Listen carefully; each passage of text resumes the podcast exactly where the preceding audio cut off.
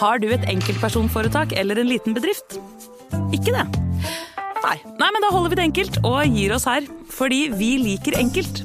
Fiken superenkelt regnskap. Nyt sommerferien på Prime. I'm here to show you a wonderful place. Had a rough week. Opplev spennende turer. Så kan dette bli veldig farlig. Finn sommerkjærligheten. You're like a Coachella. Hi. Hi. Se på Fallout, Furia eller The Idea of You. Og gjør deg klar for en sommer full av eventyr. Bare på Prime. Krever abonnement på Prime Video. Velkommen til Kjemperådet! Hey! Vi har fått inn et kjempenytt problem fra en mor.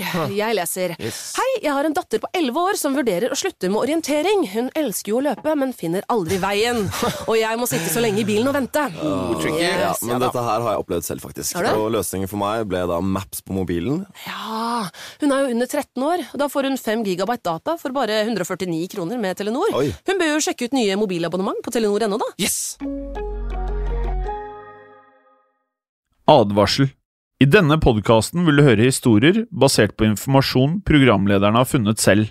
Programlederne står ikke nødvendigvis inne for meninger og syn som fremstilles. Noen påstander kan avvike fra virkeligheten.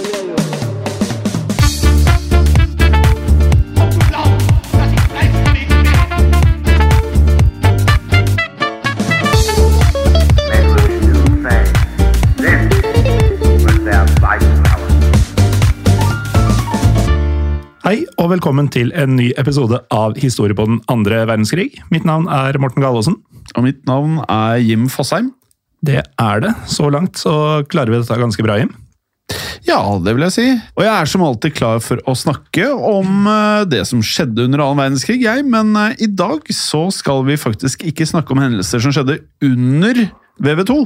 Nei, for vi eh, tar jo fra tid til annen for oss eh, temaer som har sterk relevans til andre verdenskrig som har skjedd før eller etter. Eh, Selv om det ikke var teknisk sett en del av selve krigen. Som f.eks. episodene våre om ølkjellerkuppet i München, som jo var Hitlers mislykkede revolusjonsforsøk i november 1923. Og vi har også andre episoder som handler om ting både før og etter andre verdenskrig. Ja, Som var en spennende episode da om eh, Hitlers vei til eh, makten og eh, hvilken kurs nazismen tok. Så ta gjerne en lytt til den om du ikke allerede har hørt den. da, selvfølgelig.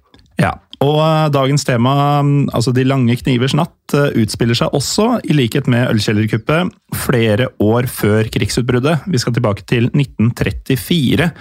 Eh, og den er jo så knytta opp eh, mot eh, det som skjedde senere, at den passer i historie på den andre verdenskrig, og ikke vanlig historie på den. Ja, Først kan vi jo ta en liten kikk på selve navnet De lange knivers natt, eller Nacht der langen Messa, som det da er på tysk, selvfølgelig. Dette er visstnok et uttrykk som da fantes i det tyske språket fra før, og det beskrev helt enkelt det å ta hevn for noe, eller eh, hevn over noen.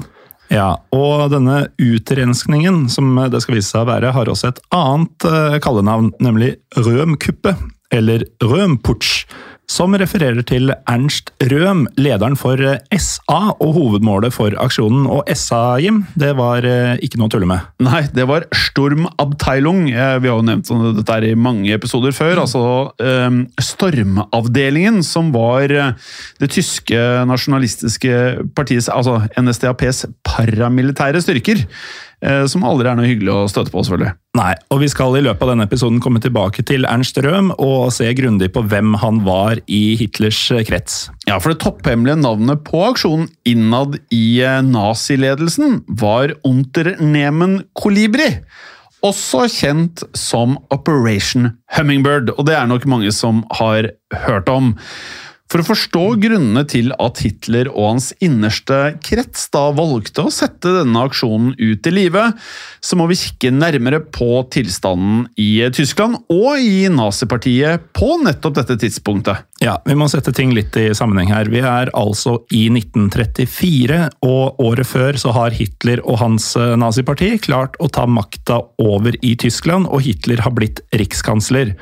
Og som vi lærte i episodene om ølkjellerkuppet, så skjønte Hitler allerede i 1923 at revolusjon og tvang var feil metode å bruke for å ta makta.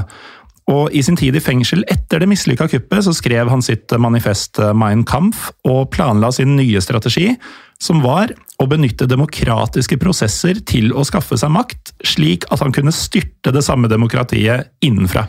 Ja, Noe han da lykkes med eh, nærmere bestemt 30. januar 1933, da president Paul von Hindenburg utpekte Hitler til kansler. Etter dette tok da Hitler umiddelbart grep for å fjerne alle andre politiske partier, og også da samle all makt eh, til seg selv. Og målet var da et eh, å ja, rett og slett danne en ettpartistat med nazipartiet som da den suverene makthaver. Og selv om Hitler gjorde store framskritt i denne planen for absolutt kontroll de første månedene etter overtagelsen, så var det én mann Hitler ikke kunne styre. Den eh, tyske hæren var eh, under president Hindenburgs eh, kommando, og hæren var opptatt av å holde på sin selvstendighet. Hitler han ønska på sin side å bygge en sterkere allianse og få mer innflytelse over Forsvaret. Det er riktig det. Samtidig begynte da SA å bli et problem for Hitler. Ja, og det var nye toner, for SA hadde vært noe helt annet for Hitler i årene før. Ja, for SA var jo da en etterfølger av Freikorpsgruppene, som da vokste frem i kjølvannet av første verdenskrig. Dette var da stort sett misfornøyde soldater som da foraktet den tyske regjeringen for å overgi Tyskland til fiendene i krigen. Soldatene mente at regjeringen lot seg overkjøre i krigsoppgjøret. Og det kan man jo delvis være enig med dem i. Ja, det kan vi jo Vi kan jo se hva de mener her. Eh, for som vi vet, så fikk jo Tyskland enorm gjeld etter oppgjøret, og ble også fratatt eh, enorme og viktige landområder. Og mistet da det meste av militær militærmakt. Ja, og Hvis man vil høre mer om dette, her, så kan man gå tilbake til serien vår om naziteknologi. Ja. Dens spede begynnelse om Versailles-traktaten. Der snakker vi mer detaljert om hvor gærent det gikk med Tyskland i oppgjøret etter første verdenskrig. Og i årene som fulgte, så skulle Freikorpsene banke opp kommunister og andre meningsmotstandere, og på 20- og tidlig 30-tallet så utvikla de seg til å bli, altså som SA, til å bli en slags privat milits for Hitler. Og SA ble brukt til å ødelegge for andre partier og til å true rivalene til nazipartiet. SA var rett og slett en gjeng med voldelige bøller Eh, kledd i brune uniformer, og derav kommer også det kjente kallenavnet som ble brukt på dem, og som også brukes litt på nazister i dag. Mm. Brunskjortene. Riktig det. Og i tiden frem mot Hitlers overtagelse var det hundrevis av uh, veldig voldelige gatekamper mellom uh, SA-folk og også kommunister. Og dette bidro da til å destabilisere demokratiet i Weimar-republikken. Og hør på det her, da. Bare i juni 1932 var det over det, er, det ekstremt 400 gatekamper! Eh, I løpet av 30 dager i juni. Det er ekstremt. Mm. Eh, med, det var jo ikke så mange som døde, sånn sett, satt i kontekst, men eh, ca. 80 personer skal ha dødd her. Ja, og selv om SA da på den tiden var Hitlers eh, private milits og viktige støttespillere, så skulle det da snart oppstå konflikter mellom Hitler og SA. Og disse konfliktene er sentrale i å forstå hvorfor De lange knivers natt var et nødvendig grep for Hitler. Ja, for da kom nemlig Hitler, han, og tok over som kansler. Og det ble lite å gjøre for SA-krigerne, da. Kommunistene de var beseiret, og Hitler var nå ved makten. Og uten et annet å ta seg til, så vet man jo opp gjennom historien at da kan man jo bli interessert i litt andre antisosiale eh, ting. Mm. Som f.eks. da å drikke seg overstadig fulle. Det blir gjort hærverk, eh, det blir brukt vold mot da sivile, og til og med da utenlandske diplomater. Men Hitler så samtidig en mulighet til å innynde seg hos hæren, og det kunne han gjøre ved å gå etter hærens fiender i SA. Det var nemlig stor splid mellom hæren og SA, som begge var eh, nasjonalistiske militære organisasjoner. Men eh, forskjellen her, Morten, var at eh, mens hæren var preget av konservative offiserer fra den prøyssiske adelen, var SA en mer folkelig bevegelse. Mens mange arbeidsløse da sluttet seg til SA under den store depresjonen, og også trodde på Hitlers lovnader om sosialistiske reformer. Hitler han frykta at eh, SA-tilhengerne hadde tatt hans tidlige propaganda for seriøst, og dermed kunne komme i veien og ødelegge hans plan om eh, det som egentlig var å undertrykke arbeidernes rettigheter, i bytte mot at eh, den tyske industrien skulle gjøre landet krigsklart. Hitler ville ikke ha en økonomisk revolusjon, kun en politisk revolusjon.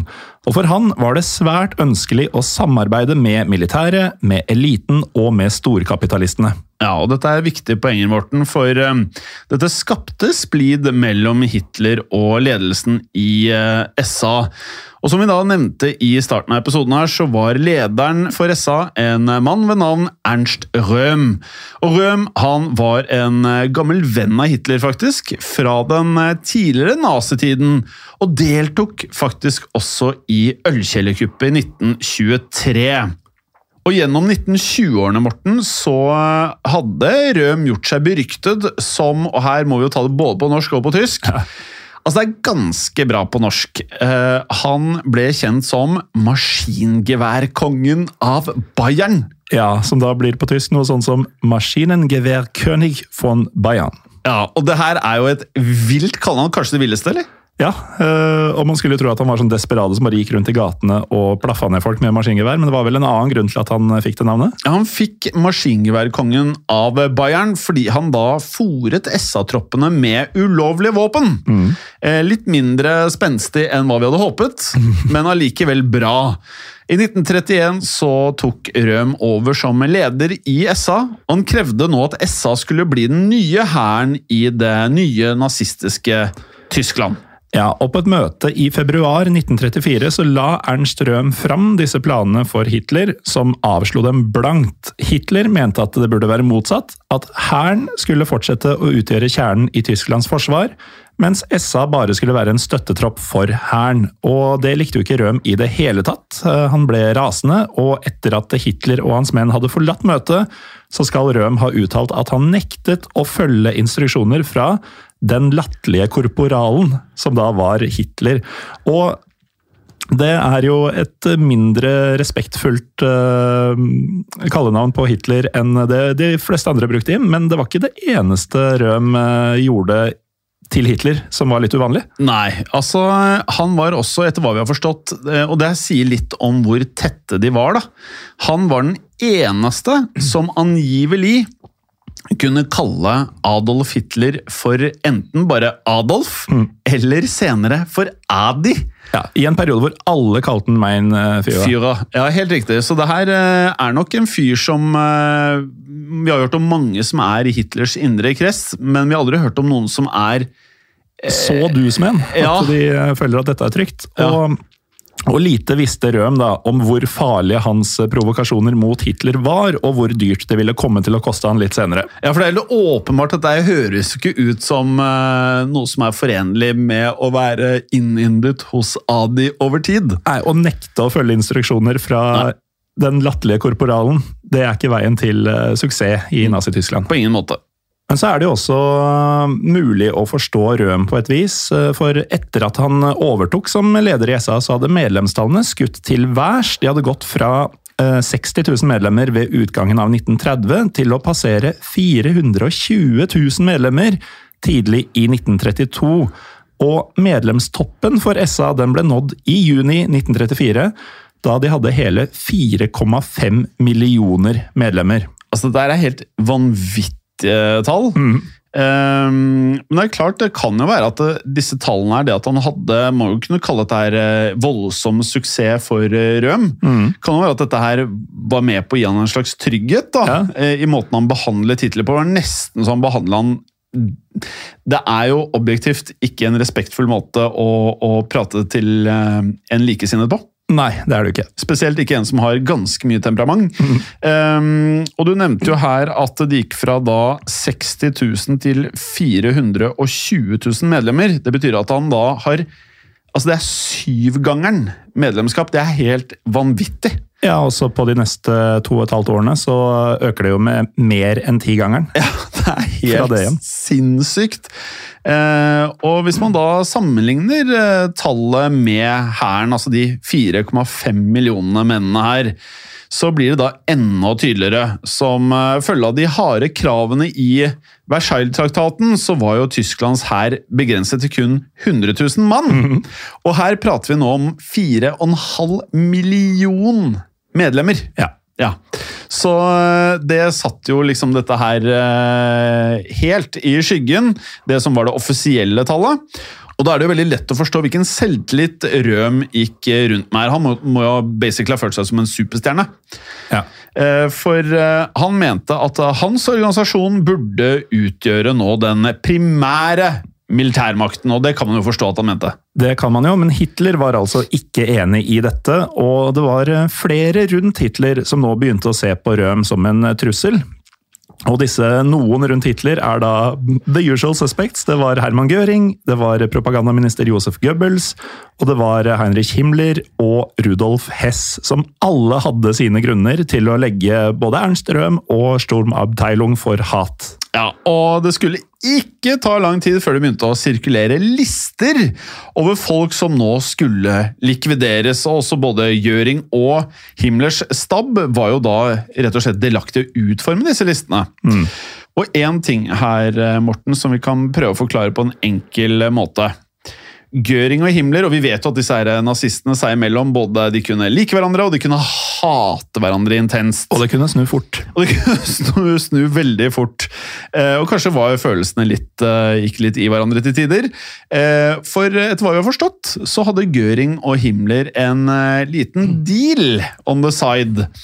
Og det var nemlig det at de gjorde en rekke byttehandler. Eh, og etter hva vi har forstått da, så var det sånn at eh, de kunne da rett og slett sette den enes fiender på disse listene til den andre, mot at man da kunne fjerne det som da var venner, som da allerede var på listen. Og slik holdt de på i begynnelsen av juni 1934, da alt var klart for at aksjonen omsider kunne settes i gang. Ja, Da var disse hitlistene ferdig eh, laget, og eh, Hitler han var eh, på dette tidspunktet usikker på hvordan han skulle takle situasjonen, for det var eh, risikabelt å gå hardt ut mot en organisasjon med 4,5 million medlemmer, og en eh, åpenbart tydelig sterk og selvsikker leder. Samtidig så økte jo presset fra de konservative kreftene i hæren og i industrien og i eliten, som jo var de tre Hitler ville samarbeide med. Eh, Presset her var å handle mot SA, og det var frykt for en indre revolusjon i partiet. Ja. Røhm han var jo åpenbart en eh, trussel pga. Uh, han hadde jo vanvittige ambisjoner, og dette her er jo noe vi, som går igjen med alle disse her, eh, nazistiske lederne. Alle var superambisiøse. Um, og med det så var det jo mange som selvfølgelig så på han som en erkefiende og trussel. Men akkurat med Røm så var det noe som gjorde at eh, eliten blant disse nazistene eh, De angrep han faktisk personlig. Ja, og nå kommer noe som vi ikke hører veldig ofte om i eh, nazisammenheng. På ingen måte, for Røm han var da homofil. Og det at han var homofil, var noe Hitler og hans menn da senere brukte som en av årsakene til at Røm og SA rett og slett måtte vekk. Og de hevdet at eh, utrenskningen også fungerte som en moralsk eh, rensing av landet. Og jeg ønsker bare å legge til én ting her. eh, Og dette er ikke noe som går igjen i alle kilder. Men det er angivelig også, det er skrevet ned visse steder, at det gikk rykter om at ettersom Hitler og Røhm var såpass eh, tett, eh, og at de var mye sammen, at kanskje Hitler også var homofil. Men det, dette er ikke bekreftet, selvfølgelig. Nei. Um, uansett, på dette tidspunktet i historien så var Hitler altså ikke helt overbevist om at uh, en utrenskning var løsninga. Um, de konservative kreftene som ønska handling, de ble utålmodige, og de valgte å gjøre et risikabelt uh, trekk. De gikk nemlig bak Hitlers rygg og ba Italias diktator uh, Benito Mussolini om å påvirke Hitler til å gjøre slutt på SA. Og um, interessant nok så tok Mussolini på seg dette oppdraget og han skal ha sagt til Hitler at eh, SA var en skamplett på Hitlers internasjonale rykte. Og en skamplett, det er ikke så bra. Nei, det er ikke noe Hitler eh, eller tyskerne på den tiden var eh, interessert i å ha på seg. På ingen måte, for kun et par dager etter møtet med Mussolini sa Hitlers egen visekansler, altså Frans von Papen, at han ville trekke seg fra sin stilling hvis Hitler ikke tok grep mot Sturmabteilung. Og i seg selv var ikke dette noen form for krise for uh, Adi Hitler, men det ville ta seg svært dårlig ut om en ledende konservativ forlot hans bord på denne måten. Ja, og Det er verdt å nevne at denne visekansleren, altså Frans von Papen, et navn vi vel aldri har nevnt i podkasten før Jeg tror ikke det. Han var en katolsk aristokrat som hadde sterke bindinger til nettopp industrien og hæren, nettopp den typen folk som Hitler ønska støtte fra. Og disse folka representerte på en måte høyresiden i nazipartiet, som jo må kunne sies å være svært langt ute på høyresiden allerede. Eh, mens Røm og hans 4,5 millioner medlemmer i SA var derimot venstresiden i partiet, de som ønska reformer for arbeiderklassen og fordeling av rikdom. Litt ironisk at de gikk rundt og banka kommunister i gatene i tiårene før, men Hitler var jo da ikke særlig opptatt av dette, som vi var inne på i stad, men han ville enn så lenge ikke støte SA fra seg. Ja, Det var med andre ord press her fra alle kanter mot eh, Hitler. Det var vel liten tvil Morten, om at Hitler selv forsto at eh, en brutal aksjon til slutt ville være eneste løsning her. Mm. Men det skulle en trussel fra hæren til for at Hitler endelig sa ja.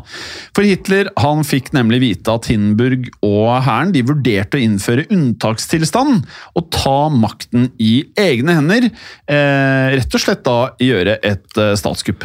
Og det skulle jo da bli tunga på vektskåla for Hitler, for hæren var den eneste reelle trussel mot uh, nazistaten, og det ville være katastrofe om han skulle miste deres tillit.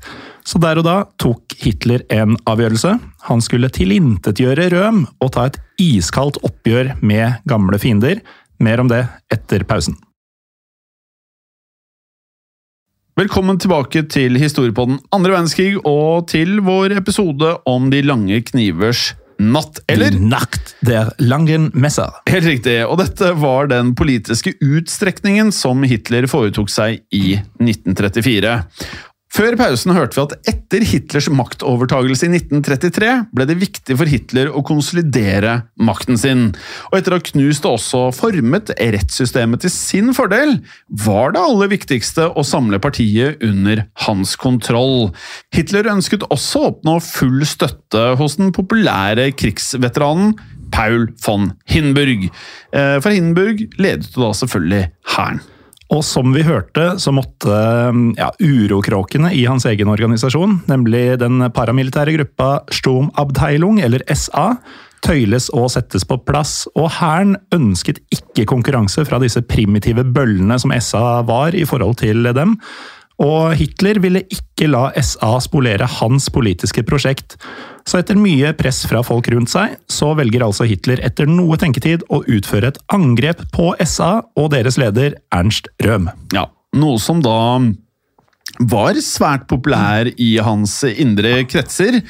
Spesielt hos Heinrich Himmler og Herman Göring. Og etter, nå har vi jo gjennom historien på den andre verdenskrig blitt veldig godt kjent med denne gjengen rundt Hitler. Mm. Det er ikke veldig overraskende at de ser på det som en positiv ting at man tar ned en ambisiøs nazileder. Nei, det, det, er noe for dem. Ja, for disse her var eh, som uh, sultne ulver som, uh, som, rett og slett da ønsket å kaste seg over Ernst Röhm. Og Himmler, som da ledet SS, det var jo uh, liten tvil om at de var misunnelige på den settingen som SA befant seg i. eh, pga. deres uavhengighet. Også SS, altså Schutzstaffel, startet som de aller fleste lytterne vet, som en slags eh, livvaktgarde for Adolf Hitler. Men eh, det kanskje ikke alle er klar over, var at SS var underlagt nettopp SA, men eh, skulle da etter hvert utvikle seg etter De lange knivers natt til å bli en elitetropp. Og Göring han hadde også egne grunner til å kvitte seg med Ernst Røhm, for Røhm han utgjorde en mulig konkurrent i fremtiden som øverste kommandør for hæren. Og Himmler og hans eh, ja, samarbeidspartner, eh, Richard Heidrich, eh, som var sjefen for SS-sikkerhetspolitiet, hadde forberedt seg godt til aksjonen mot Røhm. De fabrikkerte nemlig bevis for at Røhm var kjøpt og betalt av Frankrike for å styrte Hitler i et statskupp. Og Røm skal da etter sigende, altså ifølge disse ryktene, de fabrikkerte bevisene, ha mottatt den nette sum av 12 millioner riksmark fra franskmennene, tilsvarende i dag ca. 275 millioner norske kroner. Dette var imidlertid ikke sant, det var bare et påskudd for å få tatt Røm. Ja, og det er ganske voldsomme summer her, ja. Og I dagene opp mot utrensningen var det mye konspirering og planlegging av drap, faktisk. Eh, og Hitler han eh, la frem eh, drapsplanen for hæren, og fikk selvfølgelig grønt lys derfra. Og så er vi da framme ved den skjebnesvangre dagen, 30. juni 1934. Og halv fem om morgenen, mens eh, Tyskland ligger og sover, så flyr Hitler og staben hans til München, hvor de i de lyse morgentimene danner en felles tropp med SS og vanlig politi. Og sammen så reiser disse videre til Hanselbauer hotell i Bad Wiese, hvor Røm og hans menn bodde. Ja, Hitler han hadde på forhånd tatt kontakt og også avtalt et møte med SA på nettopp dette hotellet. Mellom klokken fem og seks om morgenen så stormet SS-soldater hotellet og tok kontroll over alle som var der. Og Hitler han tropper faktisk personlig opp Morten og setter Røm og alle de andre SA-lederne under arrest. Ja, og en av lederne i SA ble funnet eh, til sengs med en mannlig 18 år gammel underoffiser, og um, propagandaminister Goebbels han utnytta dette da han senere rettferdiggjorde aksjonen som del av kampen mot det nazistene kalte moralsk forfall. Hitler skal eh, personlig ha beordret eh, SA-lederen og hans elsker ut av hotellet for å bli skutt. Og Morten, eh, det er jo litt spesielt å tenke på at Hitler var såpass aktiv i denne aksjonen? Ja, altså, Han hadde jo folk til å gjøre grovarbeidet for seg. Han hadde ikke trengt å møte opp og delta i det som tross alt er en rimelig møkkete affære. Nei, for han kunne jo helt fint bare ha sittet bak skrivebordet han og latt alle andre ta seg av dette her. Eh, og det kan jo da tolkes som at han ønsket å vise styrke og handlekraft her. For Hitler så nok på aksjonen som en personlig sak, da, altså hevn mot eh, eh, Ernst Røhm. Ja, og det var tydeligvis viktig for han å forme historien om denne dagen fra starten av, for senere samme dag så dro Hitler på et møte i nazipartiets hovedkvarter, hvor han proklamerte for de oppmøtte at dette var det verste forræderiet i verdenshistorien, og at han skulle knuse det han kalte udisiplinerte og ulydige personer, og alle former for asosiale eller sykelige elementer. Helt riktig. Samtidig Morten, så var Goebbels i ferd med å sette i gang neste fase av operasjonen. For Goebbels han ringte Göring og hvisket det hemmelige kodeordet, som var Hummingbird. Kolibri, som betydde at likvideringstroppen til SS skulle nå slippes løs. Og SS de oppsøkte og også arresterte SA-mennene i Stadheim fengsel. Og etter hva vi har forstått, så skal noen av fangene ha blitt dømt i relativt kortvarige rettssaker. Mm. For her ble de da altså dømt på under et minutt. Ja. Og, og det endte med at de fleste her ble henretta. Det ble de, og en av Himmlers nærmeste menn fortalte senere om hvordan de utførte drapene, som ofte var på folk som de tross alt kjente godt. De var på lister, disse her. Og denne mannen forteller for eksempel, og her siterer jeg, oversatt til norsk Vi skjøt en sjarmerende kar ved navn Carl von Spreti, Røms personlige adjutant. Carl hadde samme stilling hos Røm som jeg hadde hos Himmler. Vi var nære personlige venner, vi spiste ofte middag sammen i Berlin. Da han ble skutt, løftet Carl armen i nazihilsenen og ropte sine siste ord. Heil Hitler, jeg elsker Tyskland. Og Vi kan også legge til her at det er hevdet at eh, flere av eh, SA-folkene her trodde at de var ofre for et kuppforsøk fra SS nettopp mot Hitler. Ja, og det forklarer jo eh, også i så fall reaksjonen til Carl von Sprete, da, som eh, sa nettopp det da han skulle bli drept i denne saken. Um, en annen av de arresterte var selvfølgelig um, SA-sjefen sjøl, Ernst eh, Røhm. Og to av Hitlers menn fra SS de oppsøkte Røhm på cella hans, hvor de ga han en eh, Browning-pistol som han lada med én enkelt patron, og fortalte Røhm at han hadde ti minutter til å skyte seg selv, ellers ville de gjøre det for han. Og til dette så skal Røhm ha nekta og ha sagt hvis jeg skal bli drept, la Adolf gjøre det selv. SS-mennene de forlot cella, og ti minutter senere så returnerte de til Røms celle. Men Røm var ikke død, han hadde altså ikke brukt denne sjansen til å skyte seg selv på de ti minuttene som de ga han. Han sto der eh, rakrygga og eh, skøyt ut brystet for å vise sin forakt, og dette høres veldig ut som den selvsikre Røm som vi har snakka om tidligere i episoden. Ja, og det, jeg må jo si da, at når du er i denne situasjonen her, det er ganske Du har litt tæl når du gjør det. Han har hele tiden fremstått som en fyr med tæl. Ja, ikke sant. Um, men de uh, to utsendte fra SS de um, holdt det de hadde lovet. Uh, så da han ikke hadde skutt seg selv, så skjøt de og drepte Ernst Røhm. Som da selvfølgelig ble slutten på Ernst Røhm, men også slutten på SA som maktfaktor i det tyske samfunnet. Jeg syns på mange måter det vi har gått gjennom med Ernst Røhm, vitner om en av de hardeste eh, nazi... Kan kalle det en nazitopp. Ja, Ja. det kan man. Og jeg, og jeg synes eh, Vi legger jo ut bilde av dette på Instagrammen vår, Historiepodden Norge. Men hvis du ser bilder av Ernst Røhm Han ser ut som en hard nazist. ja, altså Han kunne vært med i en skrekkfilm. Og da gå tilbake til, hvis du ikke har hørt vanlig historiebånden, gå tilbake til en eh, episode som heter Nazi Battle Scars. Så vil du høre om disse her mensur, disse fekteklubbene, hvor nazistene rett og slett ønsket å få spjæle opp svære arr i ansiktene på hverandre. Eh, Og det er liten tvil her om at jeg tror Ernst Røhm var en av, eh, en av disse her i disse her mensurklubbene, for han har arrete i ansiktet. Ja. Og det vitner om en hard, hard mann, dette her. Så jeg synes på mange måter at eh, vi prater jo om folk som dør i Storepånen i Storepånen andre verdenskrig, som har antiklimatiske Som dør på en antiklimatisk måte, kontra de figurene de faktisk var. Når, du, når du skyter ut brystet, du velger å ikke skyte deg sjæl Jeg må jo si at det, det her er en ballsy kar. Ja, ganske sikker på at han så dem i øya da de skøyt også. Etter denne aksjonen var eh, lederskapet nå drept, og SA mistet sin uavhengighet. Eh, Og medlemstallene, lite overraskende, stupte i tiden etter dette her, for nå hadde jo mistet denne tydelige lederen her. Man hadde rett og slett kappa huet av um, kyllingen. Ja, det er helt riktig. Og en av Hitlers aller mest betrodde menn tok nå over som leder. Heller ikke veldig overraskende. Nei, og denne mannen det var ingen hvem som helst. Nei, det var det absolutt ikke. Det var Viktor Lotze. Vi har pratet om han før. Han var en harding. Han var det. Han var eh, høyt dekorert fra første verdenskrig, en krig hvor han også mista et øye i strid. Ja, og dette er jo eh, helt eh, i tråd med hva man ville forvente at Hitler ville gjort. Altså Han tar en fyr som har litt samme bakgrunn som seg selv, tok del i første verdenskrig, og som da trolig vil ha de samme synene som Adi Hitler selv. Han kommer til å gjøre som Hitler sier.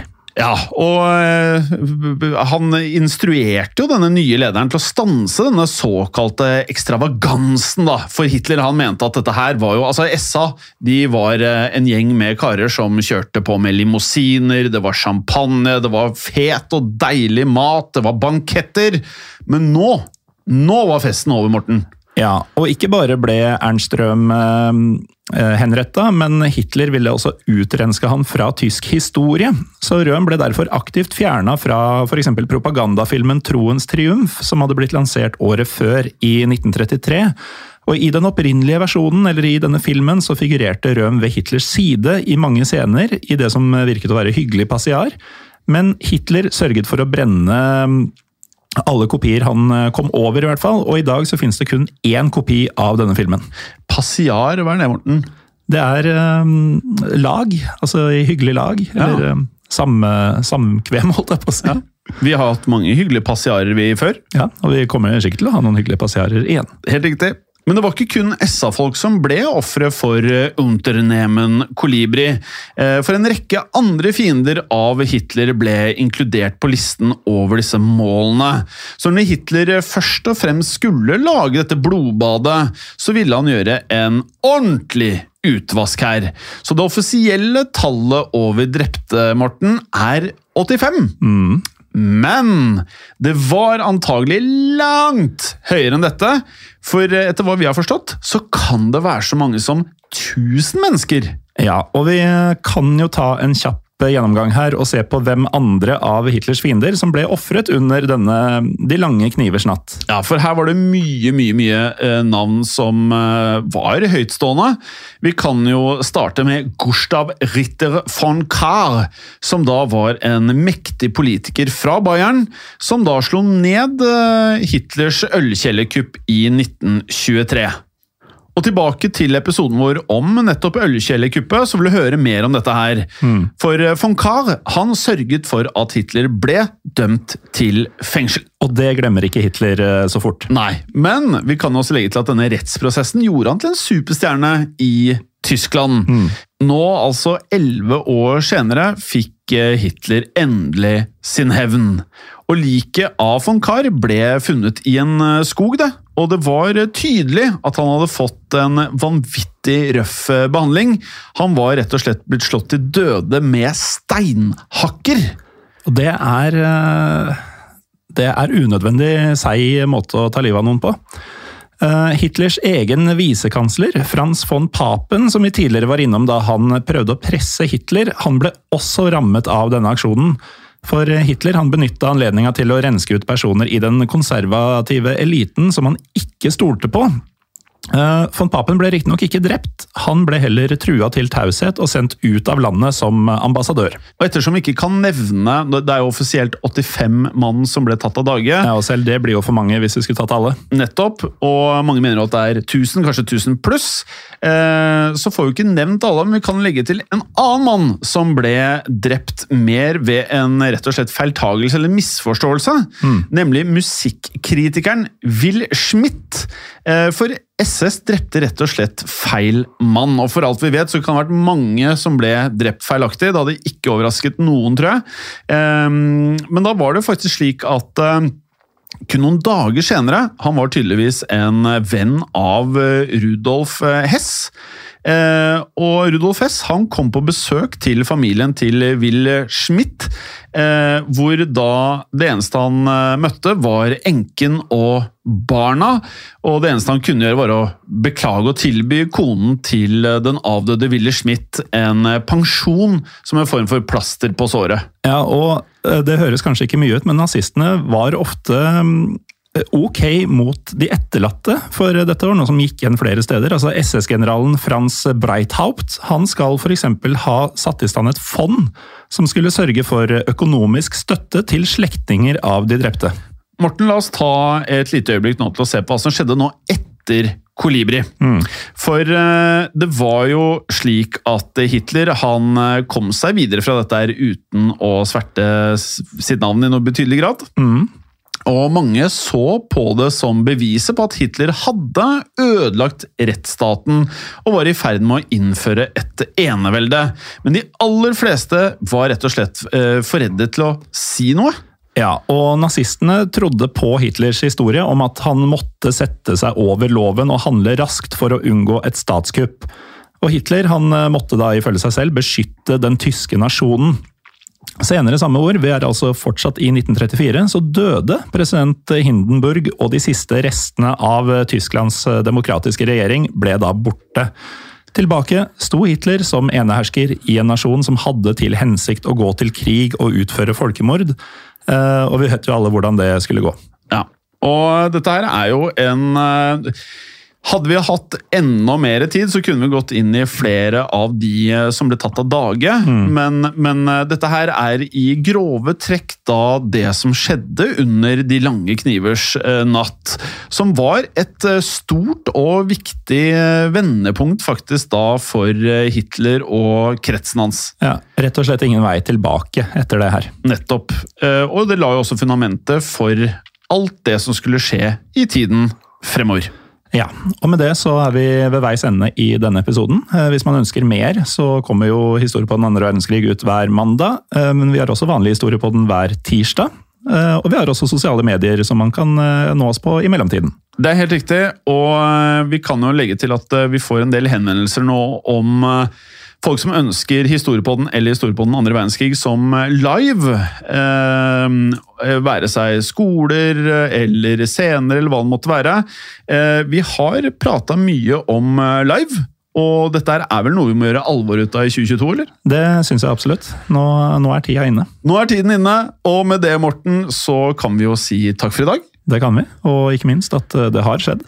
Og dette kan jo skje igjen. Mm. Ha det bra. Ha det.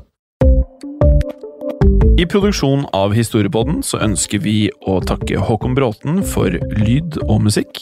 Takk til Felix Hernes for produksjon. Takk til Ellen Froktenestad for tekst og manus. Og takk til deg, Morten Galesen, for programlederrolle. Og takk til deg, Jim Fosheim, for programlederrolle. Moderne media. Hei, og takk for at du hører på denne podkasten. Bøddel er en eh, miniserie som tidligere har blitt publisert i Untold, men ut mai vil du få tilgang til denne samt en rekke andre miniserier og ukentlige episoder av Moderne Media sine podkaster. Du finner Bøddel og andre podkaster som Henrettelsespodden helt reklamefritt i Untold. Som en liten smakebit så får du hver uke i mai en ny episode av disse podkastene, som vanligvis kun er tilgjengelig for Untold-abonnenter. Hvis du liker det du hører, så bør du laste ned Untold, eller gå til untold.app for å starte ditt abonnement i dag. Hei, Fredrik og Bjørn Henning her. Vår nye podkast Fordomspodden, den er ute nå. Podkasten der norske kjendiser møter seg selv i døra. Har Kristin Gjelsvik alltid drømt om å lære seg å jodle? Ler Stig-Henrik Hoff av eventyret Askeladden som kappåt med trollet? Bytter Katrin Sagen dobørste minst to ganger i året? Og har Didrik Solli Tangen sunget My Heart Is Yours som nattasang for barna sine? Hver uke blir nemlig én ny gjest konfrontert med både store og små fordommer i vårt forsøk på å komme til bunns i hvem de egentlig er. Du kan høre Fordomspodden hvor enn du lytter til podkast.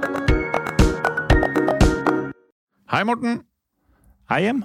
Og hei til deg som eh, hører på. I eh, dag så har vi en eh, stor overraskelse til dere alle sammen. Det har vi, for eh, vi har bestemt oss eh, for å gi dere som hører på en liten smakebit på hva man får med abonnement i Untold. Det er helt riktig, men eh, hva er eh, Untold, Morten? Jo, Untold det er en app eh, der du kan høre en rekke podkaster, eh, flere titalls podkaster, helt uten reklame. Det er riktig, og ut mai måned så kan du derfor da høre episoder som du vanligvis kun hadde funnet i appen Untold. Ja, for eh, som Untold-kunde så får du nemlig en ny, reklamefri episode av Historiepodden andre verdenskrig hver eneste uke hele året. Ja, og i Untold så får du også ukentlige episoder av Henrettelsespodden og Historiepodden blant flere, samt også da miniserier som Gulltransporten og Historien om Henry Rinnan. Og apropos Historiepodden, Jim, så er det snart eh, 17. mai. Og i Historiepodden så vil man kunne høre episoden om torgslaget i Kristiania i forbindelse med nettopp eh, den datoen. Og det er en episode som alle bør få med seg. Jeg tenker det, og skulle du som hører på nå sitte igjen og tenke at du veldig gjerne vil høre en episode av Historiepodden andre verdenskrig hver eneste uke, så er da, som du helt sikkert skjønner, Untold en mulig løsning for deg. Det er helt riktig. Da går du inn på AppStore eller Google Playstore og laster ned Untold. Eller du går til untold.app i nettleseren for å starte ditt abonnement i dag. Ja, og har du ikke gjort dette før, Morten, så er det faktisk sånn da at du får hele første måneden helt gratis! Ja, eh, og det har skjedd. Og det kan skje igjen.